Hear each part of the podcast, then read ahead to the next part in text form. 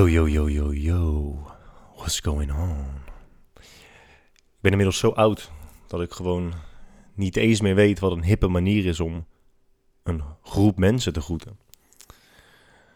En ik blijf erbij. Ik doe dit vooral voor mezelf. Maar inmiddels is het duidelijk dat er best wel veel mensen luisteren. Meer dan ik had verwacht. En zeker meer mensen eh, dan ik had verwacht die hem gewoon helemaal afluisteren. Dus ik moet toch werken aan een bepaalde groet. Uh, dus als iemand suggesties heeft, laat het, mij, uh, laat het mij zeker weten. Iemand zei laatst ook tegen me: Je praat wel echt heel langzaam op je podcast. En ik ga geen namen noemen, maar de persoon die dat zei was Roeland de Jong. En hij zei: Ja, gelukkig heb ik op YouTube de functie gevonden waarbij je de snelheid op anderhalf keer kan zetten. En toen dacht ik: Ja, maar Roeland, praat ik ook wel echt langzaam? Of hebben wij gewoon allemaal de neiging om snel te praten? Omdat we gewoon weten dat de andere persoon weinig geduld kan opbrengen om naar, ons te luisteren. En toen dacht ik bij mezelf, ja, dat is het gewoon. Dat is de conclusie die ik trok. Maar het liefst zou ik ook gewoon in het echte leven zo langzaam praten. Alleen je ziet gewoon aan anderen hun blik dat ze echt het niet op kunnen brengen om gewoon meer dan acht seconden geduld op te brengen om naar een ander te luisteren. Dus dat is wederom een, een voordeel van een podcast starten. hey, jongens, even ik uh, kijk nu naar buiten. En dan denk ik, godverdomme, wat is het lekker weer zeg. Maar voordat ik het over, weer, over het weer begin. Uh, ook deze podcast is, uh, is mede mogelijk gemaakt door Under Armour. Klinkt een beetje nasaal, omdat zomer in Nederland betekent gewoon hooikoorts. Maar wederom, mede mogelijk gemaakt door Under Armour. En natuurlijk ook door Jimmy Joy. Een aantal mensen vroegen aan mij, Guy, wat is Jimmy Joy? Aangezien iedereen weet wat Under Armour is. Jimmy Joy maakt Plenty Shakes. En ook uh, een 20 bar, dat is een uh, maaltijdvervangende reep. En Plenty Shake is een maaltijdvervangende um, shake. Ja, zei ik net ook reep of zei ik net shake? In ieder geval 20 bar is een maaltijdvervangende reep. Een Plenty Shake is een maaltijdvervangende shake. Dit is geen maaltijdvervangende shake, dit is gewoon kraanwater. Dat komt niet van Plenty Shake vandaan. Maar hij is wel lekker. Uh, goed, wat zei ik? Ja, het weer, het is echt zo fucking lekker. Het is zo, zo heerlijk dit. Maar wat nou erg is, dat in Nederland is, is warm weer gewoon een luxe. Het is, echt, het is ook gewoon mijn favoriete feestdag in Nederland. Een zomerse dag. En dat is toch best erg dat wij een natuurlijk fenomeen gewoon beschouwen als een, als een luxe. Dat we denken, oh man, wat heerlijk zeg, de zon schijnt. Fucking hell, dat is toch eigenlijk triest voor woorden. En als het in Nederland warm is, dan is het ook gelijk goed warm, aangezien we nergens airconditioning hebben. Of ik ben weer de enige lullo zonder airconditioning thuis. En iedereen zit gewoon lekker in zijn, uh, in zijn wintertrui, wintertrui thuis. Zo, in zijn wintertrui thuis.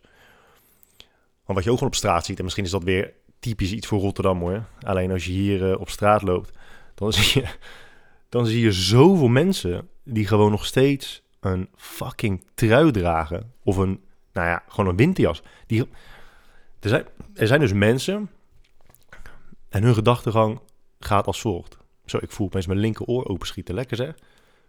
Goh. Daarom hebben we dus twee oren. Je hoort dan gewoon echt uh, twee keer zo goed. Er zijn dus mensen die ochtends wakker worden. En die kijken naar buiten en denken, oh, zo. Ziet er goed uit. Lekker weer, zonnetje schijnt. Weinig wind.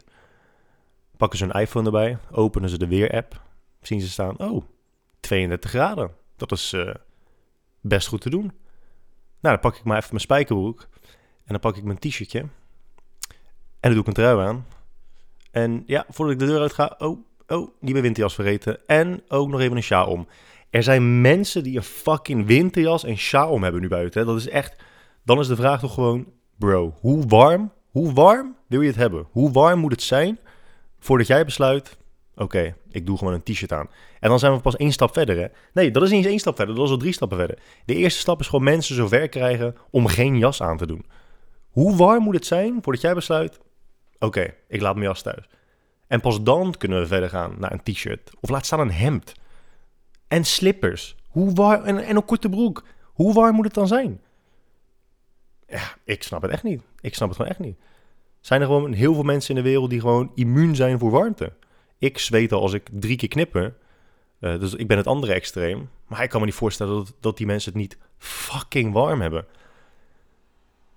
in het Midden-Oosten dragen mensen zijn mensen ook eh, best eh, warm gekleed.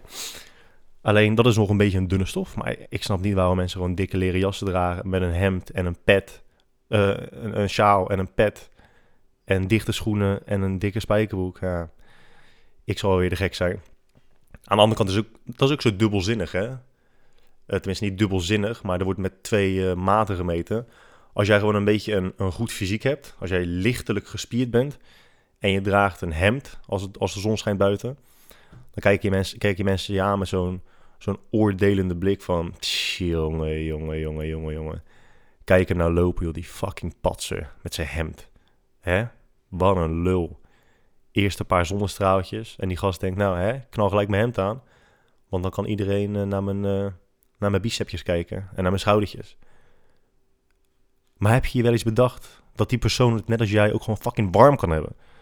Want als die persoon niet gespierd is, dan denk je, oh, ja, hij heeft groot gelijk. Het is gewoon heel lekker weer. En als hij, dat, en als dus wel gespierd is, dan is het een, is een patser. Best gek. Of misschien ben ik de enige die zo denkt en reflecteer ik mijn ideeën op de rest van de wereld. Dat kan ook. Ik ben in ieder geval echt blij dat het, ehm, dat het echt, echt super lekker weer is. Maar ik zal nooit naar het strand gaan. Tenminste, ik doe het wel eens. En dat is dan vooral omdat uh, Samantha, mijn vriendin, dat wil. Dat is, dat is ook weer zoiets aan het warme weer, weet je wel. Dan moet iedereen gelijk gebruik maken van elke fucking seconde van de dag. Gewoon zodra je oogleden net loskomen van elkaar in de ochtend... dat je vriendin dan tegen je zegt... ja schat, wat gaan we doen vandaag? En dat je denkt, ja maar oh, laat me eerst heel veel wakker worden. Maar dat kan je natuurlijk niet zeggen. Dus dan zeg je, ja weet ik niet schat, wat wil jij doen? doen? Wat, wat, wil jij dan doen? Ja, het is wel lekker weer. Zullen we naar het strand gaan anders? En bij jezelf denk je, ja nee, eigenlijk liever niet. Omdat heel Nederland naar het strand toe gaat. Want dat is altijd wat er gebeurt. Het is lekker weer en er gaan gewoon miljoenen mensen naar het strand. En ook altijd naar hetzelfde strand. Of Hoek van Holland, of Bloemendaal, of, of uh, Scheveningen. En Scheveningen is helemaal een drama. Hoe kan je, hoe kan je ochtends nou wakker worden... en dan nadat je hebt bedacht van... oké, ik doe mijn winterjas aan en een trui en een sjaal... dat je dan daarna ook nog eens denkt, ik ga naar Scheveningen. En dan niet eens zagrijnig thuiskomen. Ik word al zagrijnig van de gedachte. Laat staan dat ik dat ook echt zou doen. Je gaat heen, sta je in de file. Je komt aan, je kan nergens parkeren. Je gaat naar het strand, je kan nergens je handdoek kwijt, want je ligt echt tussen alle mensen lig je in. Je gaat terug, je staat in de file. Nou, le leuk dagje. leuk dagje uit zo. Is echt iets waar ik uh, naar uit kan kijken. Met een warme dag naar het strand gaan in Nederland is echt hetzelfde als op een zaterdagochtend naar Ikea gaan. Het is echt zo een slechte zet. Maar ja, jongens. Hè? Ik uh, zat toevallig net heel even op Instagram te kijken. Dat doe ik eigenlijk bijna nooit, hè. Ik ben niet zo van het Instagrammen. Ik gebruik mijn telefoon ook heel weinig, hoor. Uh, los van de 20 uur per dag dat ik mijn telefoon vast heb, gebruik ik hem, weinig. En er kwam een uh, meisje voorbij, tenminste een... Uh, een ik kreeg een profiel doorgestuurd van meneer Jonathan Zoom. En ik zal dit keer echt geen namen noemen. Maar dat meisje, het meisje in kwestie was nogal fors. Hè? Om het maar even zacht uit te drukken. En als ik zeg fors, bedoel ik gewoon fucking dik. En dat is niet neerbuigend, want zij omarmt dat ook. Het staat zelfs in haar bio, Instagram bio. En ik heb de vorige keer ook al een keertje over gehad, of ik heb een keertje een post over gemaakt, dat we nu dingen als cellulitis en overgewicht als de nieuwe schoonheid, schoonheidsstandaard. Nou, niet per se de standaard, maar het is wel omarmd. Het is wel gewoon geaccepteerd. En dingen als cellulitis en zo is ook gewoon prima. Hè? Ja, dat is ook niet erg. Ik vind alleen heel vreemd dat we nu in een periode zijn, of in een fase zijn beland, waarin we dus ook gewoon zwaar overgewicht moeten gaan accepteren. En ook gewoon moeten zeggen van, ja maar luister, iedereen is mooi op zijn of haar, zijn of haar eigen manier. En dat klopt. Um, maar je moet gewicht, en of het dan ondergewicht of, over, of overgewicht is, de enige maatstaf die je hanteert, je, je gebruikt het niet alleen maar om te zeggen het is mooi of het is lelijk. We zijn veel te gewend aan alles wat met het lichaam te maken heeft, alleen maar cosmetisch te beoordelen. Maar wat is er gebeurd met gewoon zeggen dat is ongezond en dat is gezond? Als jij 20 bent of 25 of zelfs nog jonger, hè, al die kinderen die gewoon zwaar overgewicht hebben. We kunnen wel zeggen, ja, maar zij zijn mooi op hun eigen manier. Ja, dat klopt. Maar ze zijn ook fucking ongezond. En als jij nog 10 jaar zo doorgaat, dan stort je gewoon ter aarde met een hartinfarct. En dan kunnen we allemaal heel leuk en kunnen we ons gedragen als een stelletje moraalridders en zeggen: ja, nee, maar ik, ik oordeel niet over iemands uiterlijk. Oké, nou ja, prima. Dan ben ik nu de eerste die zegt, die zegt: ik oordeel wel over iemands uiterlijk. Want je kunt op basis van iemands uiterlijk ook best wel een inschatting maken van iemands toekomst. Hè, waarom mogen we wel oordelen over iemand die rookt en zeggen: ja, dat is ongezond? Waarom mogen we godverdomme wel oordelen over iemand die cola light drinkt? Oh, weet je wel niet hoe ongezond dat is? Maar als iemand super dik is, dan moeten we altijd maar gewoon zeggen: ja, nee, maar je, ja, maar je bent wel heel erg lief. En je moet ook gewoon jezelf lief kunnen hebben. Ja, nogmaals, dat klopt. Maar je moet ook wel afstappen van die kortzichtigheid die je bezit. En gewoon kunnen zeggen: ja, nou, ik wil toch graag wel een jaartje of 70 of 80 worden. Omdat ik een kinderwens heb en ik krijg misschien kleinkinderen. En als ik het op deze manier blijf doen, dan ga ik dat gewoon niet redden.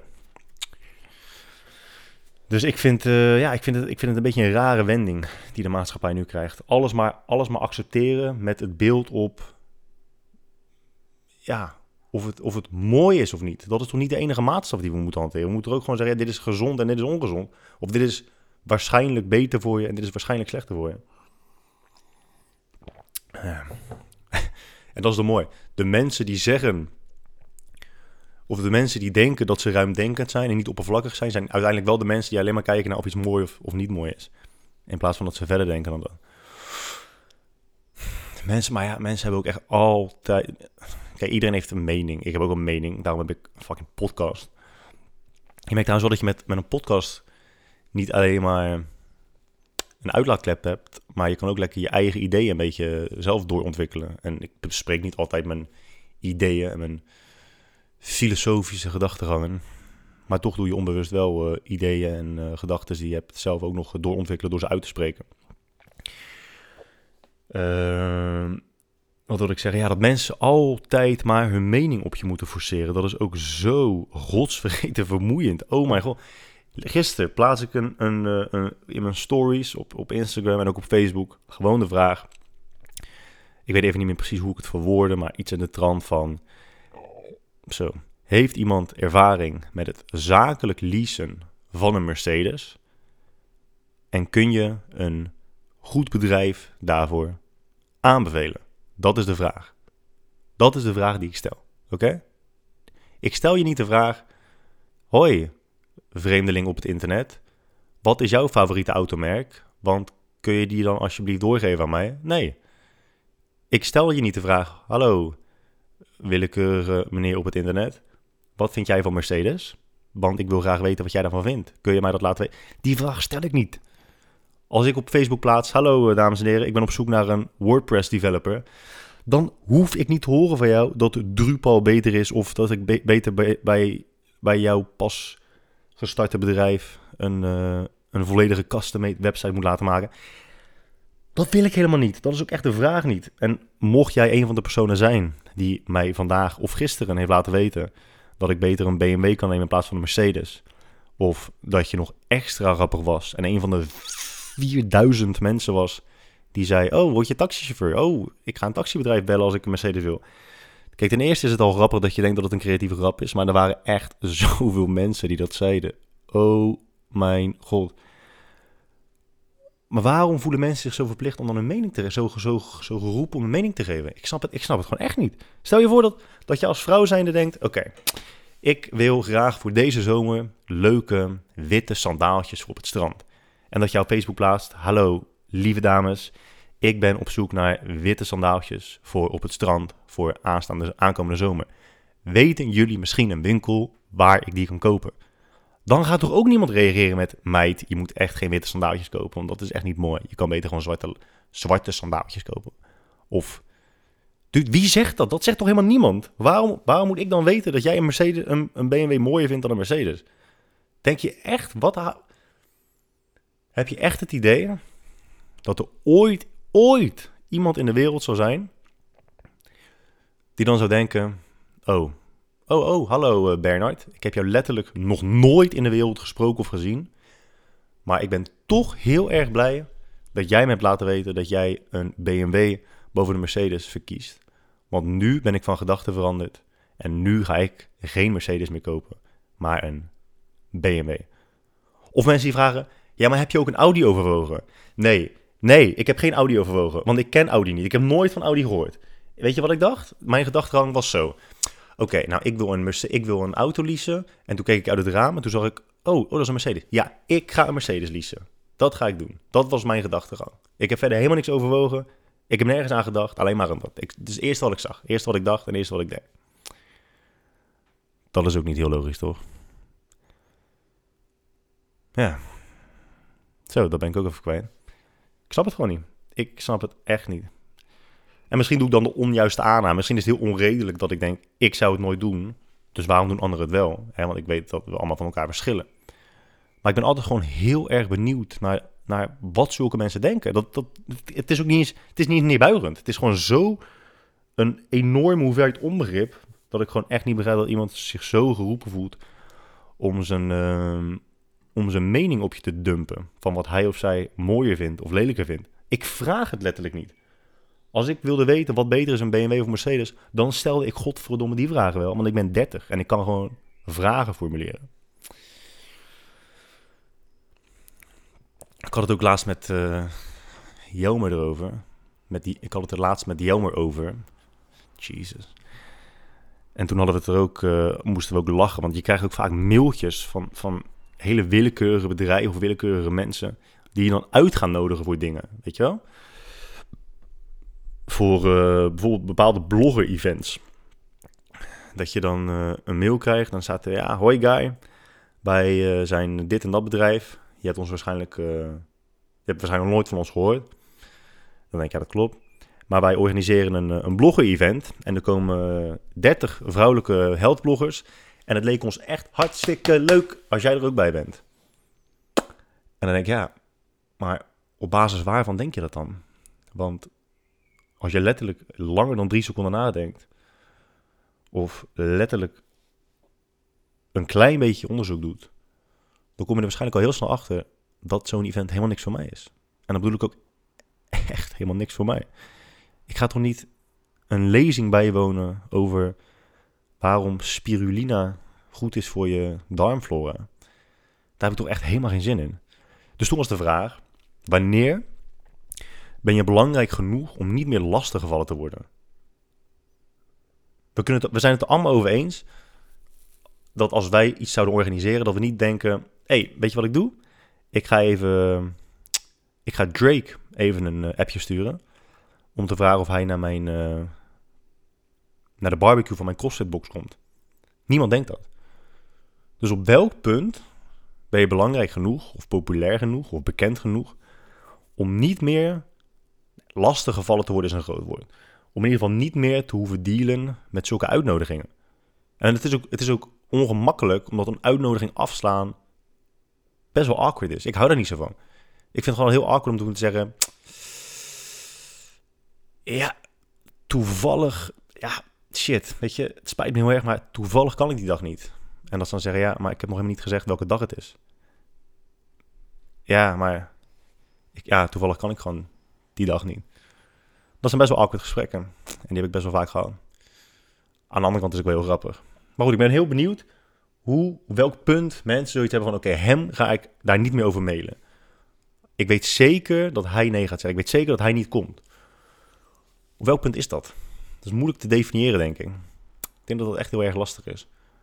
Omdat je ook gewoon nog steeds mensen die 80 miljoen volgers hebben... Uh, op van die blogger-events ziet. Dus ik ben bang dat ik eh, voorlopig nog uh, uitgenodigd ga worden naar uh, bloggen-events. De laatste keer dat ik ook heb geblogd is zeven jaar geleden trouwens. Althans, ik heb laatst nog een blog geschreven. Maar ik blog letterlijk één keer in de twee jaar. Waarom zou ik dan naar een bloggen-event willen komen? Maar goed, blijf vooral uitnodigingen sturen. Het is, het is ook wel vlijend. Het is wel echt vlijend. Want zoals je ziet, tenminste mensen die kijken, Zoals je ziet zitten er niet heel veel mensen bij me. Ehm, dit is ook letterlijk gewoon eh, mijn hele groep vrienden. Dus misschien zou het me ook wel een keertje goed doen hè, om onder de mensen te zijn op een blogger-event. onze vreemdeling op het internet, die zijn mening wil geven over alles. Koop, godverdomme, dan zelf een BMW, man. Je gaat zelf op de fiets naar je werk. En dan ga je tegen mij vertellen dat ik een BMW moet kopen.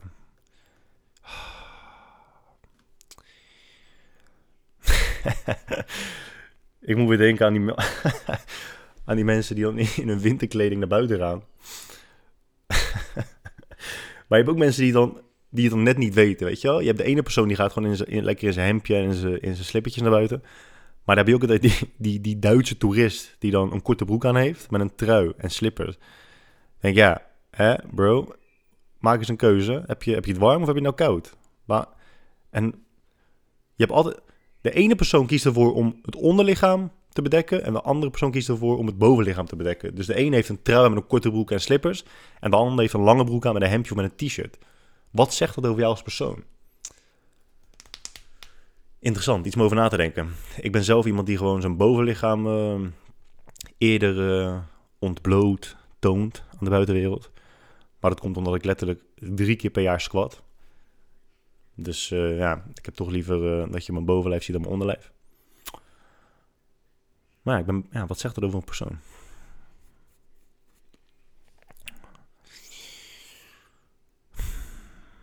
Waar gaan we het eens over hebben? Het, is, het, valt, het valt stil. Oh ja, dit is misschien wel iets leuks. Um, ik zag laatst dat, tenminste, ja, je ziet het best wel vaak. Mensen die zichzelf sp schrijver, spreker en motivator noemen. En dat doen ze omdat het heel erg ongemakkelijk is om in je Instagram bio te zetten dat je gewoon werkloos bent. Hè, dat is, laat, laat we eerlijk zijn, dat, dat is gewoon zo. Als jij uh, één keer in het jaar een blogpost schrijft, dat maakt je geen schrijver. Dat jij een boek schrijft, zoals letterlijk iedereen in de wereld, dat maakt jou geen schrijver. Je, je kunt bepaald gedrag wel forceren. Je kunt, je kunt meegaand. Stel je voor je bent met een vriendengroep en je kunt doen alsof je meegaand bent. Van nee, nee, nee. We kennen allemaal. Iedereen heeft wel eens aan zijn vriendin gevraagd of aan zijn vriend gevraagd. hey schat, vind jij het goed als ik uh, dit of dat ga doen? En dat je partner dan zegt, ja hoor, ja, tuurlijk, ga maar, ga maar. En dat je dan denkt, oeh, ja, volgens mij meent ze dat niet. Of volgens mij meent hij dat niet. Moet ik wel zeggen, ik heb daar geen last van. Ik heb uh, behoorlijk veel vrijheid. Maar ik kan me voorstellen dat er mensen zijn die dat uh, vaak hebben. Hè, dat is gewoon uh, de realiteit van de wereld. Uh, maar dat als mensen die zich bijvoorbeeld meegaand op proberen te stellen. Van, hey, vind, je, vind je het goed als we dit of dat gaan doen? En dat je dan te horen krijgt, ja, ja, is, is geen probleem. Maar dat alles aan die persoon zijn houding gewoon ongemak uitschreeuwt. Dat je denkt van, oh god, dit is zo fucking ongemakkelijk. Je kunt wel meegaand doen, maar dat maakt je geen meegaand persoon.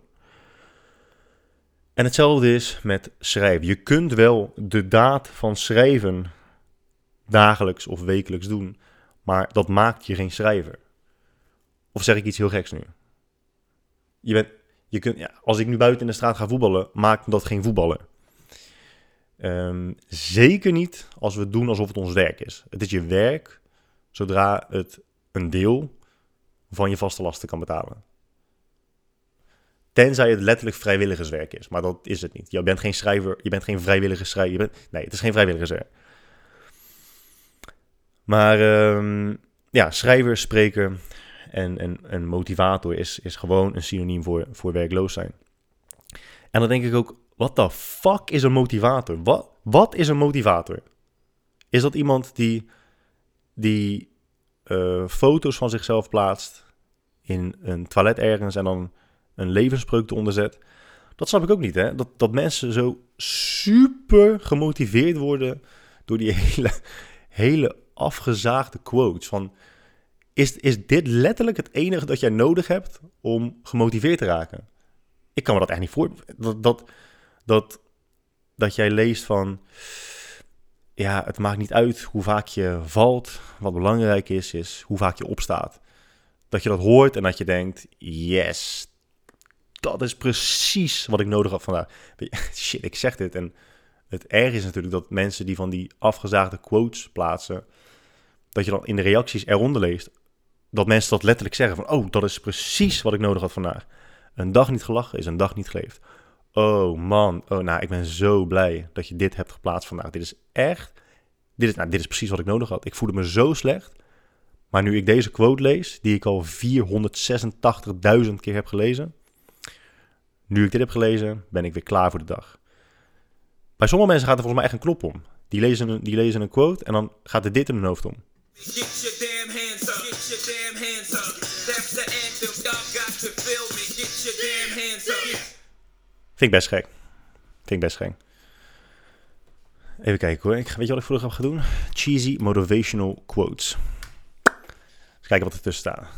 21 cliché inspirational quotes that everyone needs to stop using. Wat staat hier tussen? Oké. It's not the number of breaths we take, breaths we take, but the number of moments that take our breath away. Ja, oké. Ja, dus, het is, ja, het, is niet, het is niet belangrijk hoe vaak je ademhaalt, maar het is belangrijk dat er momenten in je leven zijn die adembenemend zijn. Ja, al denk ik niet dat er heel veel mensen in het leven zijn die stilstaan bij hoe vaak ze ademhalen. Maar... Life is what happens to you while you're busy making other plans. Oké. Dus de dingen die, uh, waar je niet voor plant, die je gewoon overkomen, dat zijn de dingen die uiteindelijk uh, heel veel waard zijn, schijnbaar. Zoals uh, een hersentumor die je opeens overvalt. Ja? Daar plan je ook niet echt voor. Maar dat zijn schijnbaar volgens die quote de momenten waar, wij, waar we voor moeten leven. Ah. Ja, er staan er best wel wat tussen. Niet allemaal. Live, laugh, love. Ja, dat is ook zo diepgaand. Holy shit. Echt een moderne Boeddha als je, als je dat soort dingen zegt. Weet je wat ook wel mooi is? Om even maar weer deze website af te sluiten. Ook een hele mooie vind ik, ja, je moet van je passie je beroep maken. Nee, nog erger vind ik het als, als, je als iemand tegen je zegt van... Hé, hey, wat voor werk doe jij? Nou, ik ben uh, ja, personal trainer. Ik probeer altijd, ik doe zo mijn best om dat niet te zeggen. Ik heb, ten eerste heb ik een hekel aan... Uh, gewoon over mezelf vertellen in een gesprek, in een dialoog. Ik kan het heel, ik kan het echt niet, omdat ik ervan uitga dat iemand dat gewoon totaal niet interessant vindt. En dat is omdat ik het meeste ook niet interessant vind van de ander. En dat mag, hè. Je, je, ik vind, ik, ik vind dat jij mag denken en dat je mag vinden van, oké, wat jij te vertellen hebt over je werk, vind ik niet interessant. Op een moment dat jij ook de gedachte hebt van, ja, maar ik ga jou ook, ook niet over mij vertellen, want dat vind jij ook niet interessant. Dat maakt, Heel veel mensen zeggen, ja, je bent arrogant. Maar het is geen arrogantie. Arrogantie is als je jezelf boven de ander verplaatst. Boven de ander plaatst. Dus dat je zegt, oké, het is heel belangrijk wat ik te vertellen heb over mezelf. Maar wat jij te vertellen hebt, dat is niet boeiend. Dat, zo, zo denk ik niet. Ik denk van, ja, wat jij me kunt vertellen over jouw werk vind ik niet boeiend. Maar wat ik ga vertellen over mijn werk is ook niet boeiend.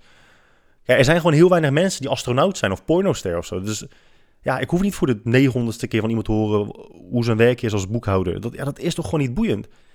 En ik vind het ook heel raar dat je maar moet doen alsof je het, alsof je het wel interessant vindt. Van, oh, nee, ga je van, zo, nou, zo, ja, het is interessant. Dat is echt interessant. En ja, hoe zijn je collega's dan? Hoe is, uh, hoe is de bedrijfscultuur? Um, dat vind ik niet zo... Uh, maar ik, ja, ik probeer dus altijd een beetje te voorkomen om, uh, om te zeggen wat ik, wat ik doe. Omdat ja, er zijn toch wel heel veel mensen die doen alsof ze het wel interessant vinden. Oh, ben je personal trainer? Hé hey, ja, ik ben ook weer een tijdje geleden begonnen met fitness. Heb je nog tips voor mij? nou ja, op basis van die ene fucking zin heb ik geen tips voor jou. Nee. Dat is zoals dat je iemand zegt: hey, uh, ik eh, wil geld verdienen. Heb jij tips voor mij? Ja, dat is nogal algemeen, hè? Maar een van de eerste dingen die mensen zeggen tegen je als jij zegt dat je personal trainer bent, is: Zo, hé, hey, maar dat, dat is bijzonder. Jij hebt echt van je passie je beroep gemaakt. Of jij hebt van je hobby je werk gemaakt. Je werk gemaakt. Listen, bitch dat is gewoon echt niet waar. Ten eerste was mijn hobby of mijn passie geen personal training geven, maar naar de sportschool gaan om aan mijn eigen fysiek te werken. Oké, laten, laten we dat even vaststellen. Hè? Als jij. Niemand heeft, als, niemand heeft als hobby personal training geven op jonge leeftijd. Dat, dat, dat is gewoon niet zo. Je hobby begint. De hobby waarmee je begint is naar de sportschool gaan om zelf te fitnessen. Dat is je hobby uiteindelijk kan dat doorgroeien naar personal training geven. Maar je hobby is geweest Fitnessen. Of je passie zelf.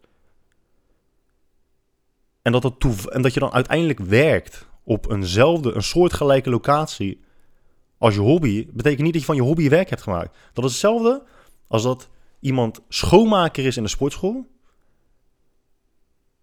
Nee, sorry, als iemand graag sport in een sportschool, dus die heeft als hobby ook gewoon fitnessen, en uiteindelijk schoonmaker wordt op dezelfde sportschool, dat je dan zegt, zo, je hebt echt van je, van je hobby je beroep, gemaakt, je beroep gemaakt. Dat is toch heel wat anders? Dat, en ten tweede, als jij personal trainer wordt, dat gaat zoveel verder dan alleen maar ehm, bezig zijn met sport. Ja, laten we even van uitgaan dat fitness wel nog steeds mijn hobby is. En dat ik voor mijn hobby mijn werk heb gemaakt. Bij mijn hobby had ik nooit te maken met mensen die je voor de 900ste keer uit moet leggen dat je best wel s'avonds na 8 uur mag eten. Bij mijn hobby had ik nooit te maken met mensen voor de 400.000ste keer vertellen dat sportvasten niet helemaal werkt zoals zij pretenderen dat het werkt. Daar had ik nooit te maken met uitleggen dat koolhydraten niet slecht zijn. Daar hoefde ik nooit te vertellen dat binnenkant borst niet bestaat. Dat was nooit onderdeel van mijn hobby. Dus de afstand tussen wat mijn hobby was en wat nu mijn werk is, is fucking huge. Die afstand is zo groot. De hele, de hele uitspraak van je hebt je hobby je werk gemaakt, is echt in mijn geval, of in, in het geval van personal training, de meeste personal trainers, is gewoon, is gewoon gelul. Is gewoon echt gelul. En je kunt nu wel zeggen, ja nee maar guy, mijn hobby was gewoon ehm, studeren over personal training. En, uh, of over training geven en fitness en voeding. Ja, en nog steeds ontstond dat door je de hobby daarvoor naar de sportschool gaat. Het is een heel lang proces die je doorloopt. En dan is misschien gewoon uh, het middenstuk dat je leert over fitness en, en, en dergelijke, is gewoon voorwerk, essentieel, essentieel voorbereidend werk om uiteindelijk een degelijke personal trainer te kunnen worden. Je kan, ja, je kan, je, trouwens, er zijn genoeg personal trainers natuurlijk en coaches die gewoon in de sportschool trainen, het leuk vinden en denken, hop, ik ben klaar, ik ben personal trainer, ik ga dit nu wel even fixen. Dat kan, maar dat zijn over het algemeen niet de meeste capabelen. Oh.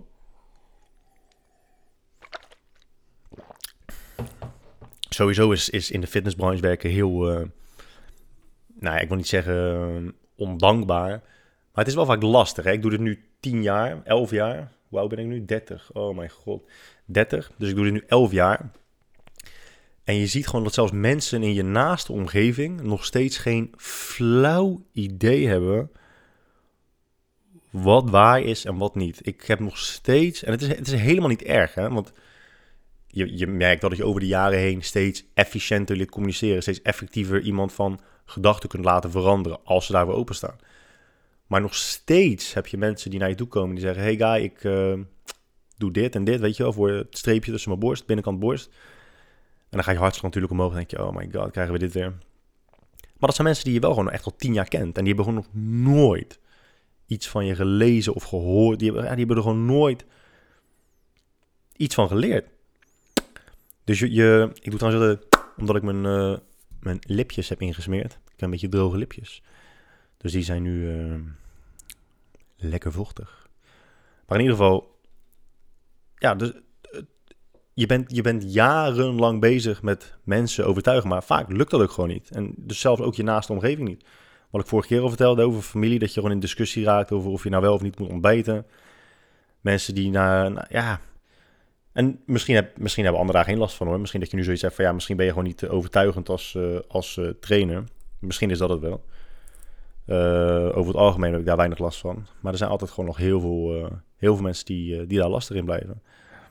En ik kan me ook gewoon niet voorstellen dat andere, andere, dat mensen in andere branches daar net zoveel last van hebben. Ik kan me echt niet voorstellen dat je als timmerman bij iemand thuis komt, dat je zegt, nou, ik ga even dit en dat op deze manier fixen. En dat die persoon zegt, uh, maar luister, ik heb laatst een magazine gelezen en daar stond dit en dat in. Dus, nou, ik zou het even anders doen.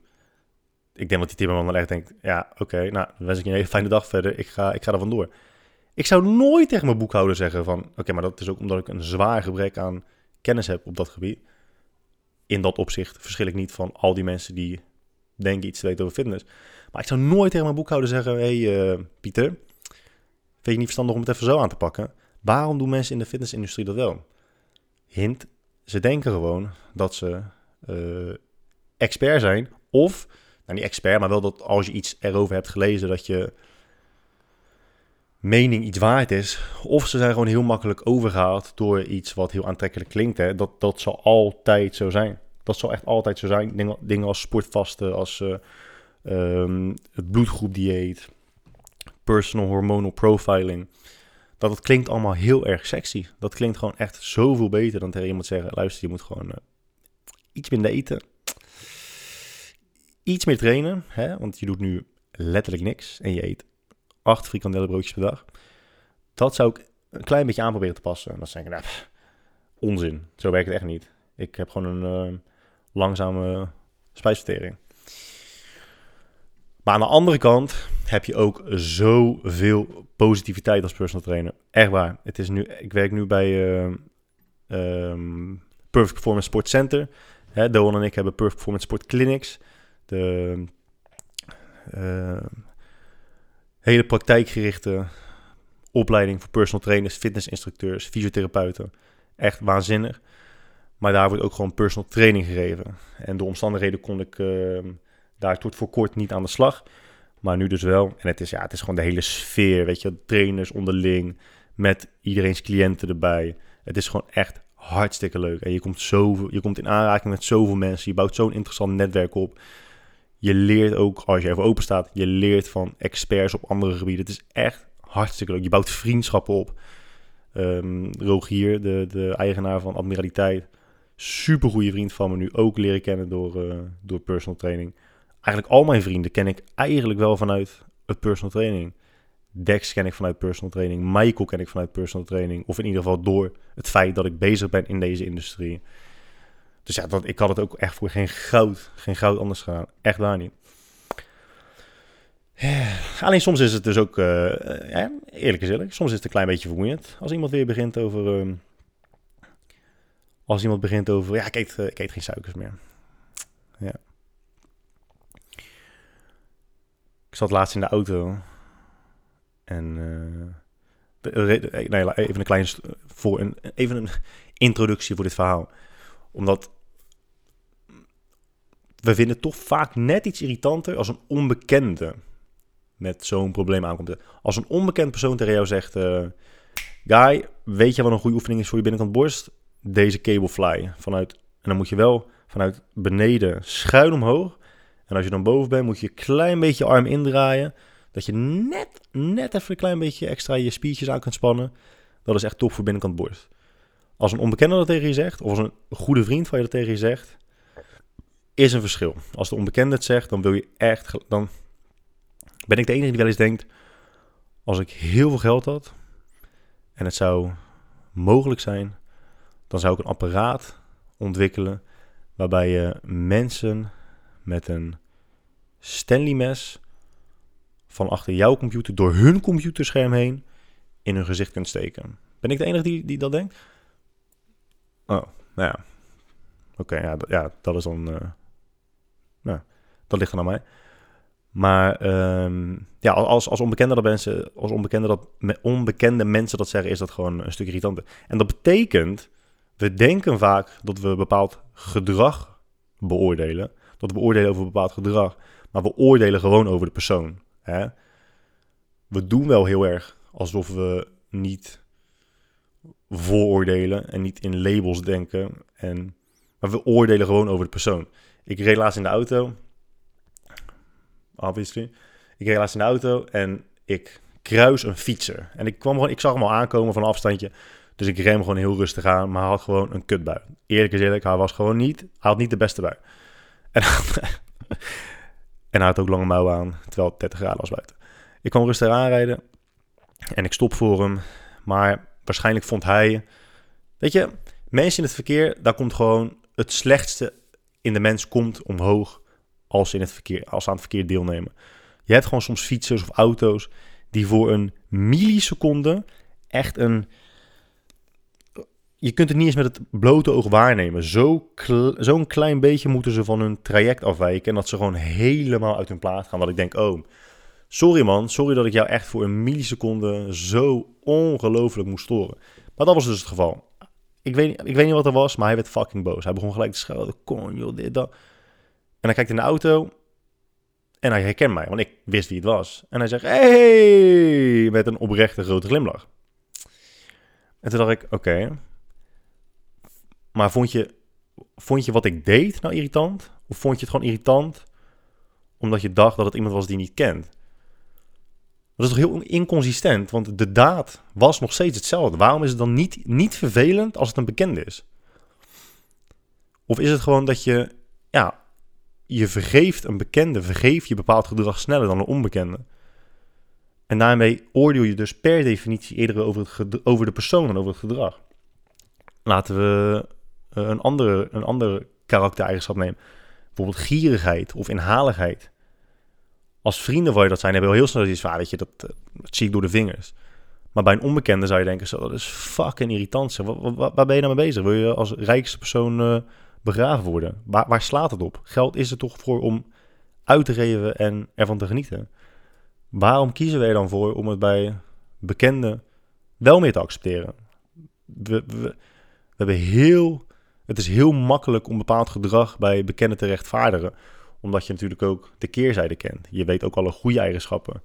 En onbekenden zijn voor ons gewoon, hè, zijn gewoon vlak, zijn tweedimensionaal. We zien alleen maar hun uiterlijk en irritant gedrag uh, dat ze vertonen. En op basis daarvan worden, worden we gewoon echt heel erg boos. En bij vrienden tolereer je gewoon, uh, tolereer je gewoon uh, veel meer. Het gaat zelfs nog verder. Ik had het laatst ook een keertje over dat, dat vrouwen vooral dan, dat ze privégesprekken, dat ze berichten krijgen van mannen die ze ongepast vinden en die ze dan delen hè, met, uh, met anderen online. Van, ah, kijk eens naar deze vieze reek, wat gaat hoe durf je dat nou te zeggen? En meestal is dat dus iemand die ze gewoon niet seksueel aantrekkelijk vinden. Want als, een, als iemand die jij onaantrekkelijk vindt tegen jou zegt: hey, uh, hey, lekker wijfie, zullen wij eens even lekker een, uh, een pannenkoekje eten samen? Oké, echt niemand zegt dat. Maar goed, stel je voor iemand zegt dan. En je vindt die persoon onaantrekkelijk, denk je: eh, gadver, vieze Rick. Eeuw, kijk, ik ga het op Instagram zetten. En als het iemand is die op fucking Ryan Gosling lijkt. Ik zeg alleen maar Ryan Gosling, want als ik aan een knappe man denk, is hij echt het eerste waar ik aan denk. Als ik, als ik 1% meer homoseksueel was dan ik nu ben, dan zou ik waarschijnlijk Ryan Gosling doen. Ik denk dat het echt maar 1% scheelt. Echt 1%. Zou, zou homoseksualiteit een aan- of een aan- en uitknop zijn of een volumeknop? Ben je gewoon homo of niet? Of kan je heel erg homo zijn en helemaal geen homo zijn? Kijk, ik, zou, ik kan wel van een man zeggen, deze vent ziet er goed uit. Deze vent ziet er niet goed uit. Maar ik zou echt nooit een penis aanraken die niet van mij is. Ja, dat gaat gewoon echt niet gebeuren.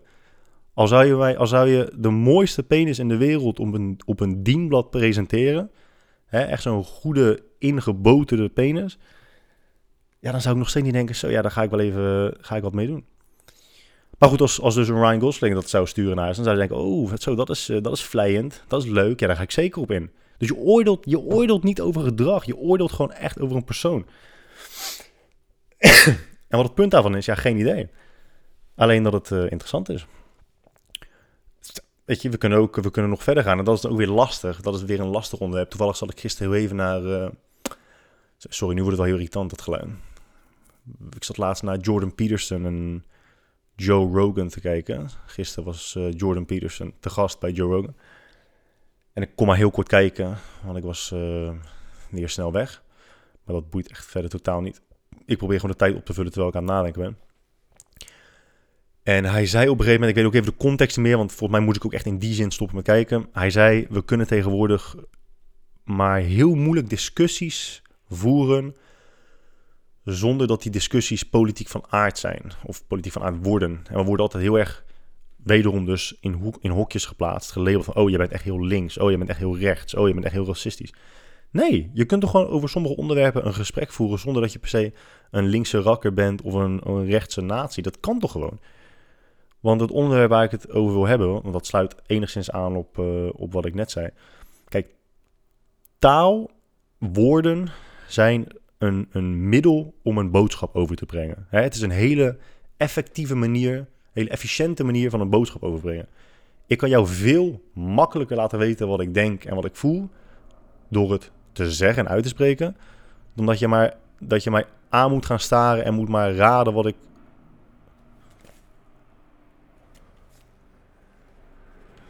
Klein momentje want uh, ik weet niet wat er gebeurt hier buiten.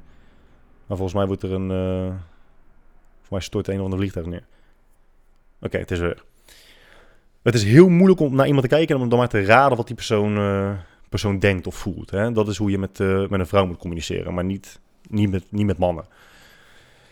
Um, ja, dus, dus, dus woorden zijn gewoon een middel om een boodschap over te brengen. En het belangrijke is daarom ook niet de woorden zelf, maar de intentie die je hebt als je dat woord gebruikt.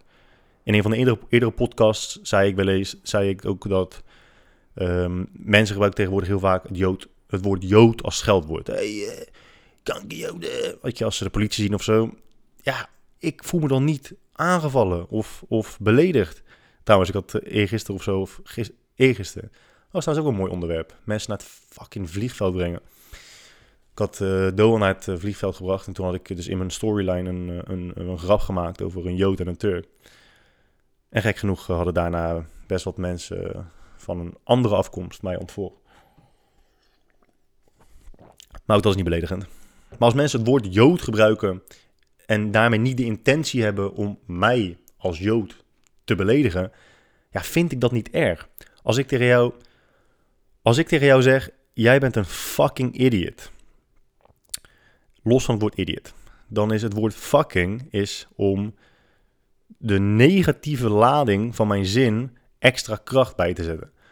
Als ik tegen, als ik, als ik zeg dit is fucking tof, dan is het om de positieve lading van, van de zin um, extra kracht te geven. Dus het, het, woord fucking is daarmee niet. Het, ja, het, is niet. Het is de intentie die ik, die ik heb met het gebruiken van het woord. Dus het woord wat ik nu wil uh, bespreken is, is, is, is het N-woord, hè, nigger. Ik zeg het woord nooit, maar ik vind het altijd gek dat als ik het tegen een donker persoon zou zeggen, dan zou ik waarschijnlijk neergestoken worden. Maar als zijn Antilliaanse of Surinaamse vrienden tegen hem zegt, dan is het opeens wel goed. Maar wij kunnen toch allebei, hij en ik kunnen toch exact met dezelfde intentie gebruiken?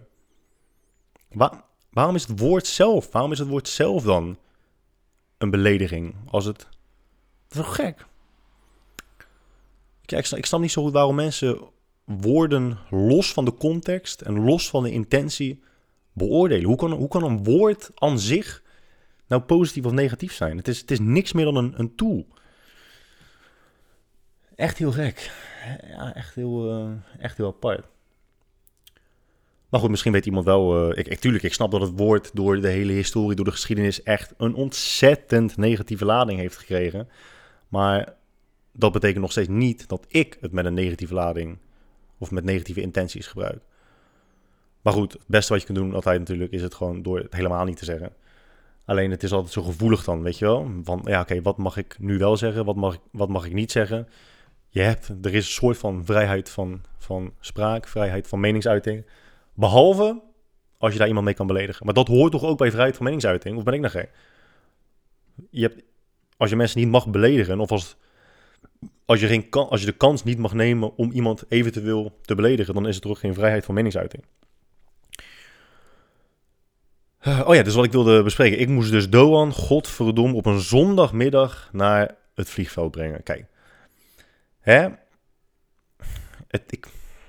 Dat is helemaal niet erg. Zo. Hè? Dat meen ik ook echt, eh, jongen. Iemand naar het vliegveld brengen is ook echt niet erg. Zeker omdat je weet dat als je het aan een van je andere vrienden zou vragen, zouden ze het met liefde ook voor jou doen. Maar ik zou het nooit aan jou vragen. Ik zou nooit aan een van mijn vrienden vragen: Hey, bro, kan je mij even naar het vliegveld brengen? Waarom niet? A. Dat ik op vakantie ga en daarmee vrije tijd heb, betekent niet dat ik jouw vrije tijd wil ontnemen om mij maar in een behoefte te kunnen voorzien, van een behoefte te kunnen voorzien, die ik ook op een andere manier kan vervullen. Kijk, als het de enige optie is die je hebt, dan snap ik van, nou, weet je wat, ik vraag gewoon aan een vriend van mij, kan je me even brengen? En eh, dan is dat geregeld. Maar er zijn heel veel andere opties. Er zijn heel veel andere opties om van A naar B te gaan zonder dat je iemand anders erbij moet betrekken. En nogmaals, het is echt niet erg. Ik vind het echt helemaal niet erg. Maar ik vind het ook niet leuk. Hè, het is geen zwart-wit kwestie. Er is heel veel grijs gebied. Als jij iemand naar het vliegveld moet brengen, is daar heel veel grijs gebied. Het, het, het ene uiterste is, ik vind het heel erg leuk. Het andere uiterste is, ik vind het echt helemaal niet leuk. Ik vind het heel erg vervelend. En alles ertussenin is een beetje waar ik in schommel. Ik zou het nog, ik zou het nog honderd keer doen als het moet.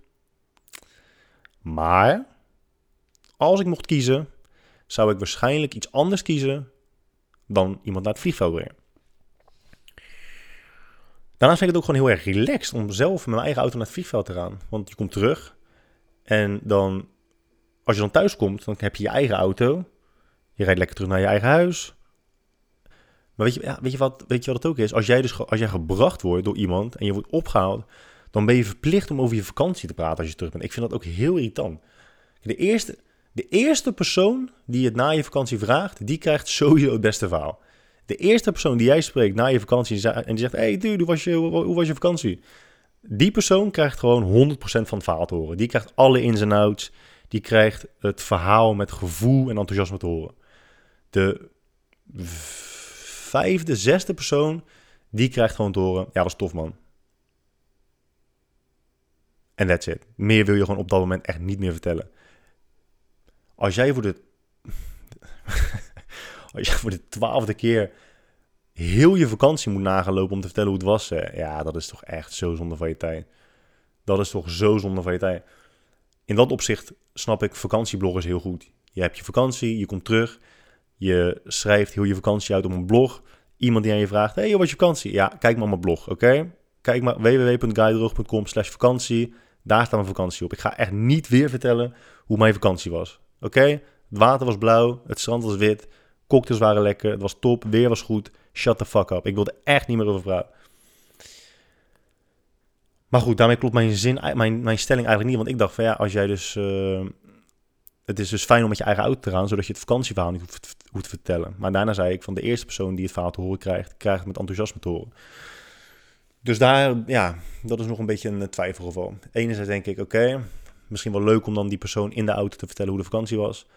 Aan de andere kant vind ik het ook wel heel fijn als ik zelf mag bepalen wie de eerste persoon is die mijn vakantiebeleving op die manier te horen krijgt. Oh, oh, oh, oh, oh, wat een gelul weer. Hè. Oh wat ik ook nog wilde zeggen eigenlijk, uh, denk ik nu aan, over, over uh, die quotes. Kijk, soms, soms zuig je gewoon ergens in.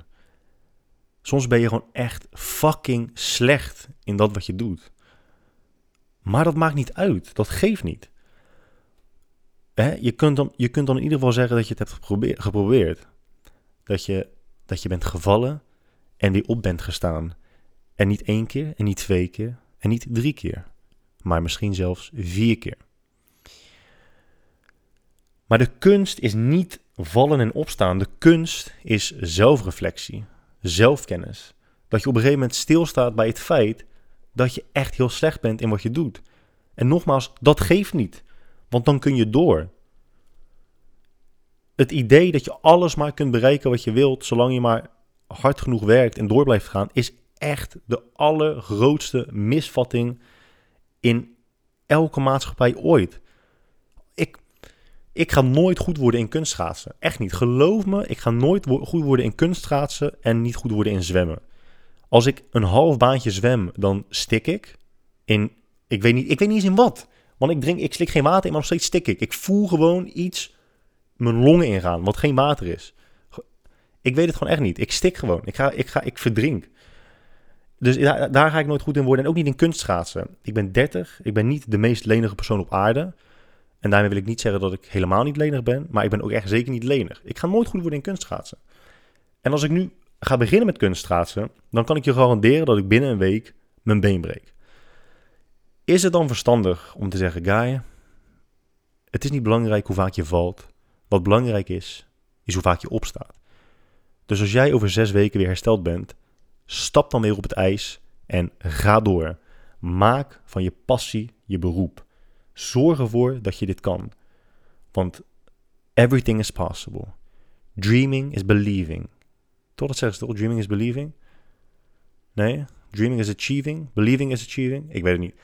Het maakt niet uit. Ik ga dat, ik ga dat nooit goed. Dus en dan de kunst in deze is niet doorgaan, maar gewoon hier aan tafel zitten en denken: ja, weet je, misschien is het tijd voor een andere richting. Je tijd is beperkt, hè? Dus je kunt natuurlijk wel zeggen: nou, weet je wat, ik ga het erop gokken. Ik ga dit gewoon 15 jaar doen. Hopen dat ik er goed in word. Maar het is een gok.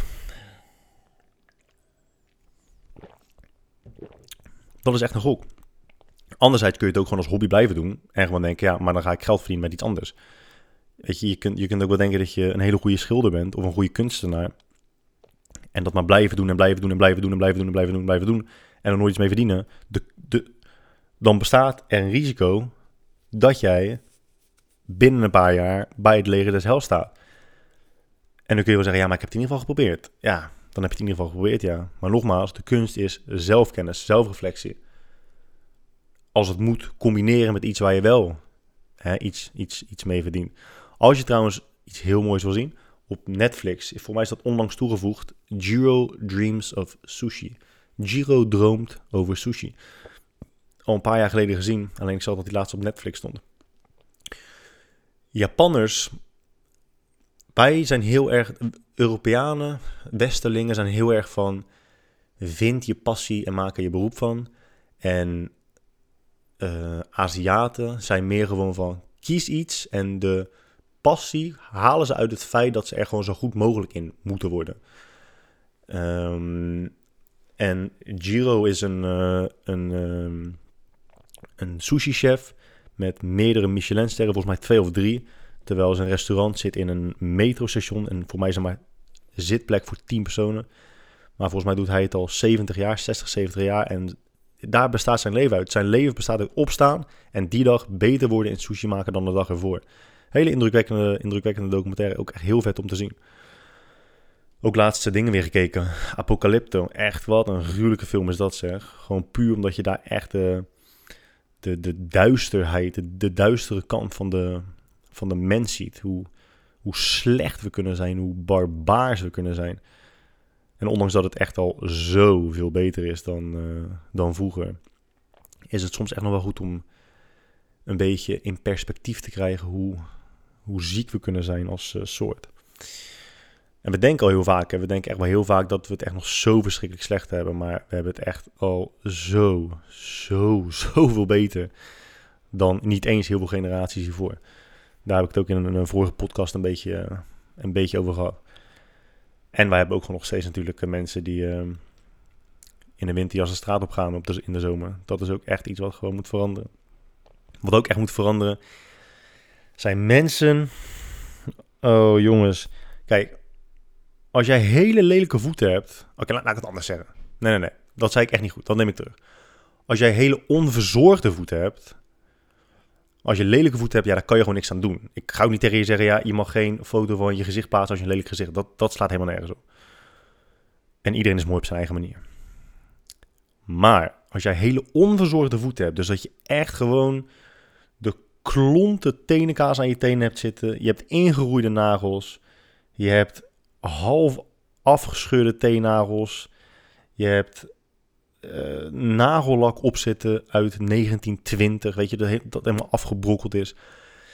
Plaats dan geen foto's van je voeten op Instagram, omdat het echt disgusting is. Het is echt heel goor. Je gaat er ook, je gaat er ook geen, je gaat er geen foto van je, van je anus op, op Instagram zetten. Als jij een anus hebt, die lijkt alsof je op een, uh, op een rotje bent gaan zitten en die ontploft is. En dat, dat doe je toch niet? Maar waarom wel van je voeten? Ik snap het niet. Bij de eerste zonnestraaltjes doen mensen hun sokken uit. Die sokken die, die zal echt de laatste tien maanden in de herfst en lente en uh, winter hebben aangehad. Die doen ze uit en denken ze gelijk, ja, zo op. Even tijd voor een foto van mijn voeten. Dude, ga nou... Hou nou gauw op. Haal er even een nagelborsteltje langs. Knip die nageltjes even. Nagellak removen. Het is allemaal echt helemaal niet zo moeilijk. Godverdomme, je, je krijgt soms foto's te zien. Dan, ik weet niet eens waar ik naar kijk. Of ik, dan weet ik niet eens of ik naar voet kijk of gewoon naar twee stukken rollade. Het is echt best wel, ik vind het best wel heftig. Maar ja, goed hè.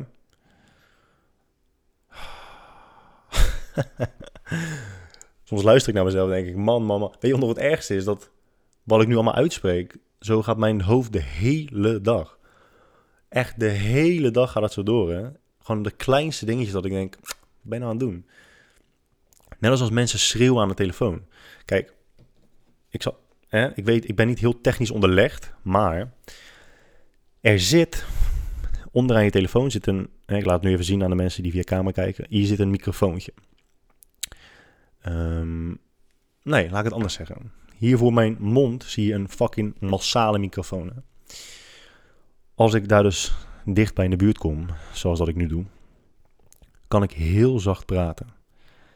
En ik vermoed dat je me gewoon nog steeds hoort. Weet je hoe dat komt? Daar is een fucking microfoon voor gemaakt. En een soortgelijke microfoon bevindt zich in jouw telefoon. Die is ervoor gemaakt dat als jij daar inspreekt, dat de persoon aan de andere kant, die zijn of haar telefoon tegen zijn of haar oor houdt, waar een luidspreker in zit, die is ervoor gemaakt dat hij of zij jou hoort. Dat die persoon toevallig in een andere stad is, betekent niet dat als jij gaat schreeuwen, dat die persoon je dan beter hoort.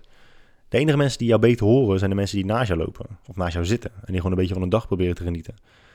Je hoeft niet te schreeuwen aan de telefoon. Volgens mij is het trouwens zo. Momentje.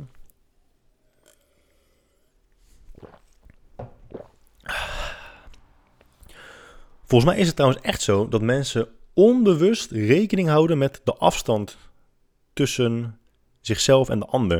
En dat je daarom, omdat je weet, omdat je daar bewust of onbewust mee bezig bent, dat die persoon echt op afstand bevindt, dat je daardoor harder gaat praten. Volgens mij heb ik dat een keertje gelezen. Of ik, ik verzin het nu te plekke, maar volgens mij heb ik dat een keertje gelezen. Dat mensen daarom toch de behoefte hebben om hard aan de telefoon te praten. Weet je wat het is? Weet je wat we echt moeten doen? We hebben allemaal van die dagen toch?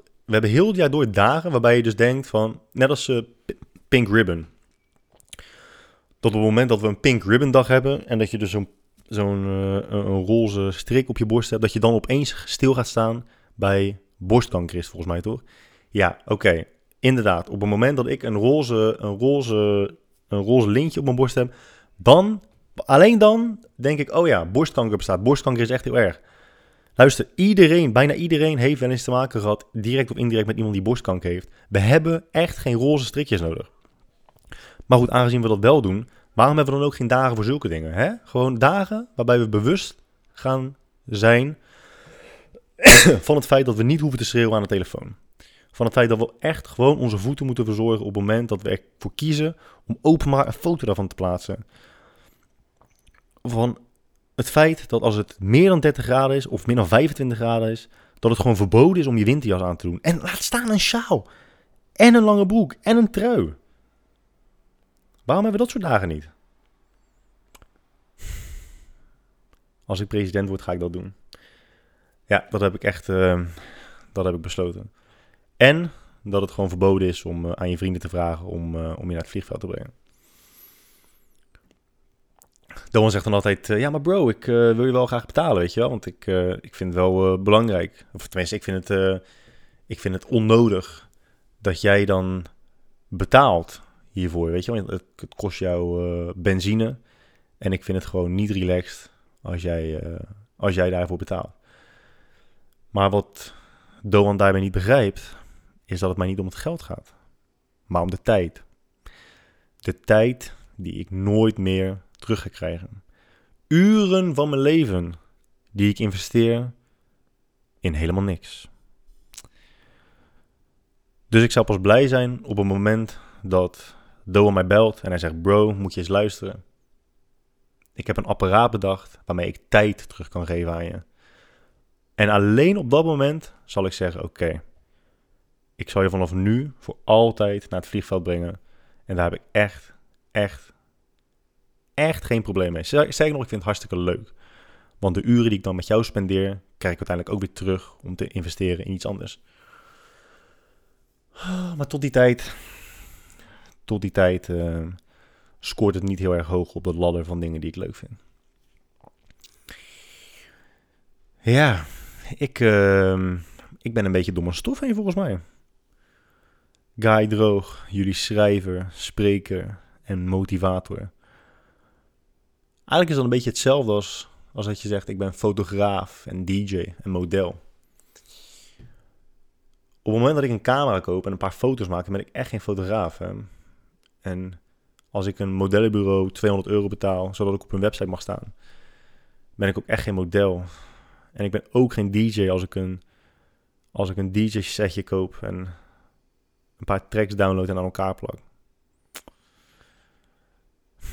Maar ja, we vinden het zo belangrijk. We vinden het zo fucking belangrijk wat anderen over ons denken. Mensen zijn ook altijd zo bezig met ja, wat, wat, zullen, wat zullen anderen van me vinden? Wat zullen anderen van me denken? Wat zal mijn baas hiervan vinden? Wat zal mijn vriendin hiervan denken? Wat zullen mijn vrienden hierover zeggen? Weet je wat het mooie is? Je vrienden en je familie en je baas en je naaste omgeving en de mensen in de stad, die zijn helemaal niet met jou bezig. Want die zijn ook allemaal met zichzelf bezig. Die denken ook van, ja, wat zou jij hiervan vinden? Wat zou hij hiervan vinden? Oh, is dit wel een mooie trui? Ja, ik uh, ga jullie wederom bedanken. Oh ja, dat, voor mij heb ik dat vorige keer ook gezegd. Ik weet eigenlijk niet zeker, maar ik ga het gewoon nog een keer zeggen. Het helpt mij enorm als je uh, als je, je abonneert op, uh, op mijn YouTube-kanaal. Of als je je inschrijft of abonneert. Is het ook abonneren met Soundcloud? Ik weet het niet. Als je je abonneert op mijn Soundcloud-account of op iTunes Podcasts. Omdat ik vind het heel sneu. Stel je voor, stel je voor dat ik dit een paar jaar ga doen. En dat ik elke keer op social media, social media moet zeggen: uh, Hallo jongens. Ja, ik heb weer een ik heb weer een podcastje geplaatst. Zouden jullie omhoog kunnen swipen en, en willen luisteren? Ja, nou, dankjewel, doei. Dat, dat zou ik gewoon niet heel cool vinden. Het lijkt me wel heel relaxed als je op een gegeven moment gewoon een, een soort van um, userbase hebt, een community hebt van mensen die gewoon graag luisteren, die geabonneerd zijn. En elke keer dat als je iets plaatst, dat ze een notificatie krijgen en dat ze gewoon zelf kunnen luisteren. In plaats van dat je elke keer, jongens, ik ben er weer hoeft voor mij niet zo. Ik vind, ook, ik vind het ook veel leuker om de standaard luisteraars te hebben dan elke keer maar meer en meer en meer nieuwe luisteraars. Want ergens hoop ik dat de standaard luisteraars ook uh, hier en daar een aanbe aanbeveling zullen doen. Uh, want ik, ja, ik zei het in het begin, ik zei het de tweede keer, ik zei het de derde keer, ik zei het de vierde keer volgens mij ook. Het is echt super tof om, uh, om van jullie te, te horen. Ik heb ook van iemand een mailtje gekregen over waarom. Ik heb trouwens van niemand een mail gehad over, over, over open relaties die heel chill zijn. Uh, meerdere dingen niet van niemand gehoord. Ik kreeg wel een mailtje van iemand die uitlegt waarom hij een rugzak mee heeft meeneemt naar festivals.